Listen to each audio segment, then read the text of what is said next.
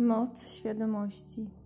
W tej części poznasz warunki posiadania, przyczyny wszelkich sukcesów, źródła strat i innych doświadczeń życiowych. Dowiesz się, jak generować siłę, która je wytwarza. Znajdziesz opis świata wewnętrznego i systemów nim rządzących oraz sposoby umożliwiające rozwiązanie każdego problemu życiowego. Dowiesz się, w jaki sposób praktycznie mężczyźni i praktyczne kobiety znajdują odwagę, siłę, nadzieję, entuzjazm i zaufanie do własnej inteligencji i mądrości i jak realizują swoje marzenia. Poznasz sposoby, które pozwolą Ci uzyskać wydajność i utrzymywać ją oraz dzięki którym możesz przejąć kontrolę nad swoją przyszłością by nie pozostawać pod wpływem niepewnych sił zewnętrznych i nie być zależnym od cudzych kaprysów. Dowiesz się, jak znaleźć przyczynę każdej sytuacji, każdego doświadczenia i genezę każdej siły. Znajdziesz odpowiedź na pytanie, dlaczego koniecznym jest, by te siły były pod naszą ścisłą kontrolą. Pragniemy wnieść do swojego życia więcej energii? Użyjmy jej świadomie. Pragniemy więcej szczęścia? Bierzmy je świadomie, żyjmy nimi, jeszcze zanim będą nasze. I w niedługim czasie stwierdzimy, że nic nie jest w stanie nam ich odebrać. Bogactwa tego świata są płynnie przywiązane do wewnętrznej mocy człowieka, a człowiek sprawuje władzę nad tą mocą. Nie musimy szukać tej mocy, my po prostu mamy ją w sobie. Oczywiście człowiek chce ją zrozumieć, chce jej użyć, chce ją kontrolować, połączyć się z nią by iść do przodu i osiągać wyznaczone sobie cele. Idąc świadomie do przodu, z dnia na dzień uzyskamy coraz większą pewność realizacji postawionego celu. Naszą inspiracją będzie się pogłębiać, plany będą realizowane, a my uzyskamy pewność, że świat to nie tylko hałda kamieni i drewna, ale żywa substancja, że świat jest stworzony z bijących ludzkich serc że świat jest pełen życia i piękna. Oczywiście, żeby dojść do takiego zrozumienia, trzeba popracować z tą wiedzą, zrozumieć ją, przyswoić jej zasady. Tylko te osoby, które są zdolne zrozumieć tę prawdę, zostaną zainspirowane nowym światłem i siłą. Tylko one zdobędą głęboką wiarę oraz moc, która będzie pogłębiać się z każdym kolejnym dniem. To właśnie one zrealizują swoje marzenia to ich nadzieje się spełnią, a ich życie nabierze głębi, stanie się pełniejsze i jaśniejsze od dotychczasowego. Po pierwsze, stwierdzenie, że potęga zbiera więcej, jest prawdą na każdej płaszczyźnie bytu i że strata prowadzi do jeszcze większych strat, jest jak najbardziej stwierdzeniem prawdziwym. Po drugie, umysł jest kreatywny, a warunki, środowisko i wszystkie inne doświadczenia życiowe są rezultatem naszych przyzwyczajeń myślowych lub wcześniejszego stanu umysłu. Po trzecie, stan umysłu jest zależny od tego, co myślimy. Dlatego też ukrytą tajemnicą siły każdego sukcesu i posiadania jest zależność od sposobu myślenia. Po czwarte, prawdą jest to, że musimy najpierw być, zanim zrobimy coś, a możemy zrobić to coś tylko w zakresie tego, kim jesteśmy. A to, kim jesteśmy, zależy od tego, co myślimy. Po piąte, nie możemy użyć siły, której nie posiadamy. Jedyną drogą, by zabezpieczyć siłę, jest uzyskanie świadomości tej siły, a nie uzyskamy świadomości siły, dopóki nie zrozumiemy, że cała siła pochodzi z naszego wnętrza. Po szóste, istnieje świat wewnętrzny i jest to świat myśli, uczuć i mocy. Świat pełen życia i piękna. I choć świat ten jest niewidoczny, jego siły są, są wszechmocne. Jeśli poznamy ten świat, jesteśmy w stanie rozwiązać każdy problem znaleźć przyczynę każdego skutku. Jeżeli świat wewnętrzny będzie przedmiotem podlegającym naszej kontroli, to także działanie prawa siły i posiadania będzie podlegać naszej wewnętrznej kontroli. Po ósme, świat zewnętrzny jest odbiciem świata wewnętrznego. To, co pojawia się na zewnątrz, musiało powstać wewnątrz. W świecie wewnętrznym znajdujemy nieograniczoną mądrość, nieograniczoną siłę, nieograniczoną możliwość dostawy wszystkiego, co czeka na rozwój, rozkwit i wyraz. Jeśli uznamy ten potencjał, czeka nas rozwój, rozkwit i wyraz. Jeśli uznamy ten potencjał w świecie wewnętrznym, nabierze on formy w świecie zewnętrznym. Po dziewiąte, harmonia w świecie wewnętrznym przejawia się w świecie zewnętrznym harmonijnymi, zgodnymi z otoczeniem warunkami, perfekcją i wszystkim, co najlepsze. Jest podstawą zdrowia i siły. Jest esencją wszystkich wielkich osiągnięć i sukcesów. Po dziesiąte, harmonia świata wewnętrznego oznacza umiejętność kontrolowania naszych myśli i określa ich wpływ na doświadczenia, które się nam przydarzają. Punkt jedenasty. Harmonia świata wewnętrznego wytwarza optymizm i bogactwo. Bogactwo wewnętrzne wytwarza bogactwo zewnętrzne. Dwunasty punkt. Świat zewnętrzny dostosowuje się odbija warunki i sytuacje wytworzone w świecie wewnętrznym.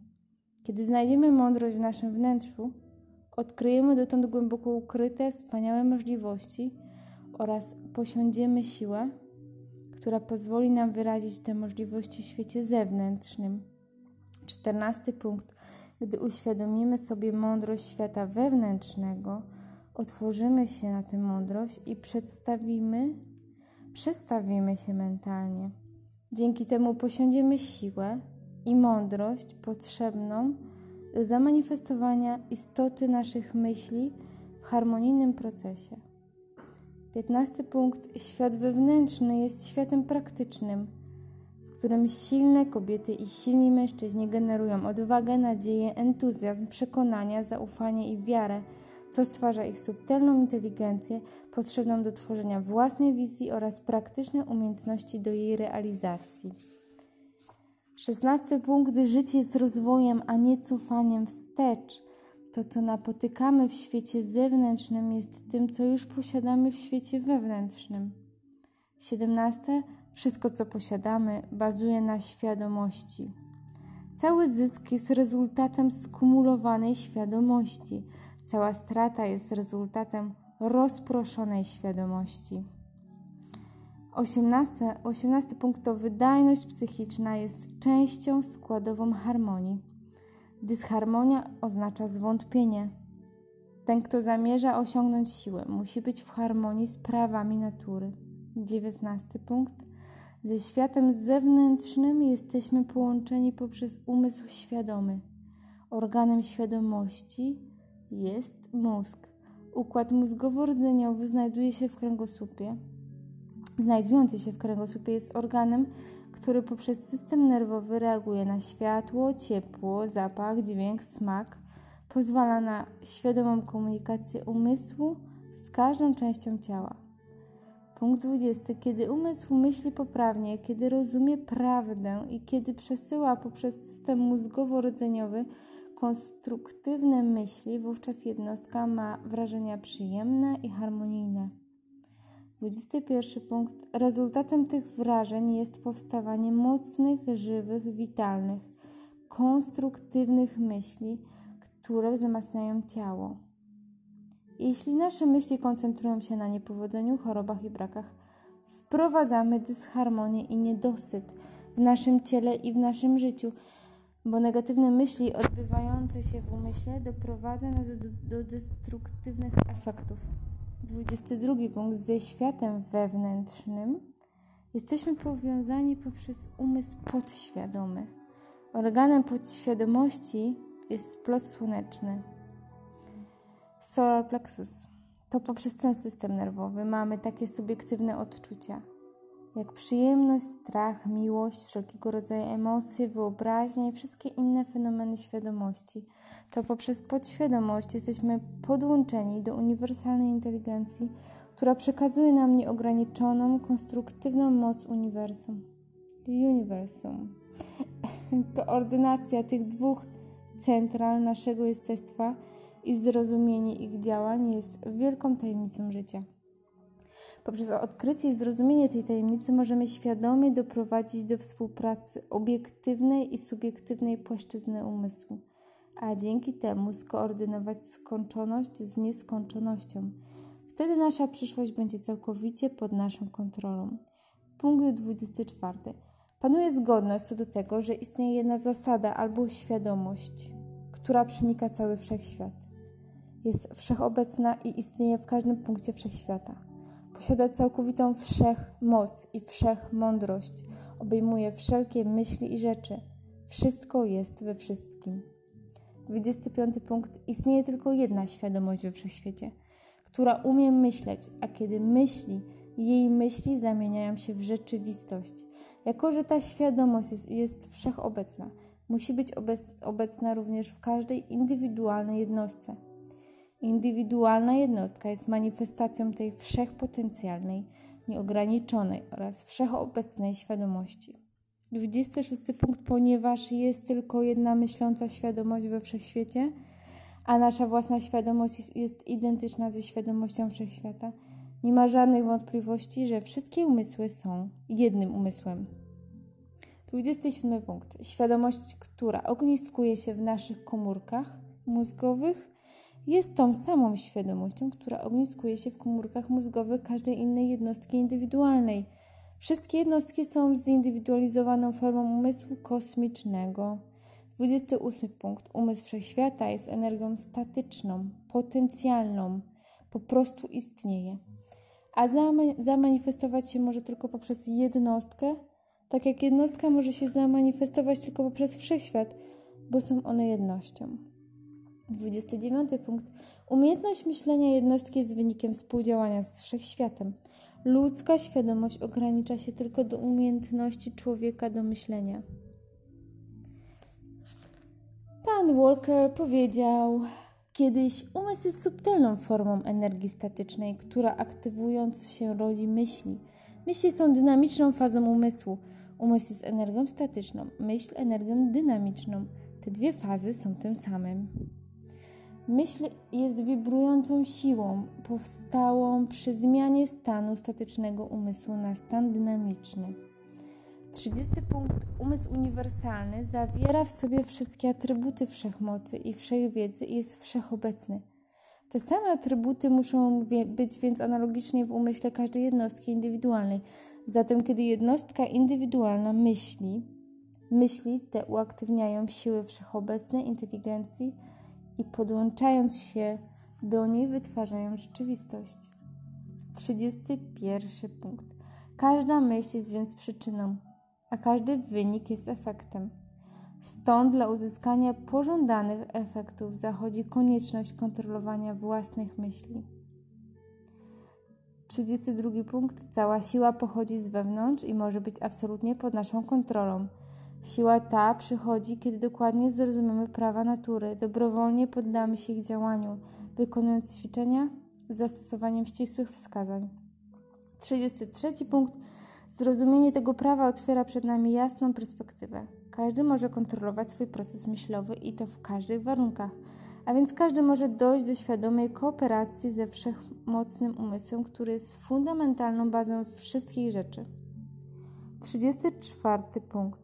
Uniwersalny umysł jest zasadą życia każdego istniejącego atomu. Każdy atom jest w każdej chwili gotowy zamanifestować się w życiu. Wszystkie atomy są inteligentne i wszystkie szukają drogi ujścia, aby być użyte zgodnie z własnym przeznaczeniem. 35 punkt. Większość ludzi żyje w świecie zewnętrznym i tylko niewielu odkryło świat wewnętrzny, który w istocie stworzył świat zewnętrzny.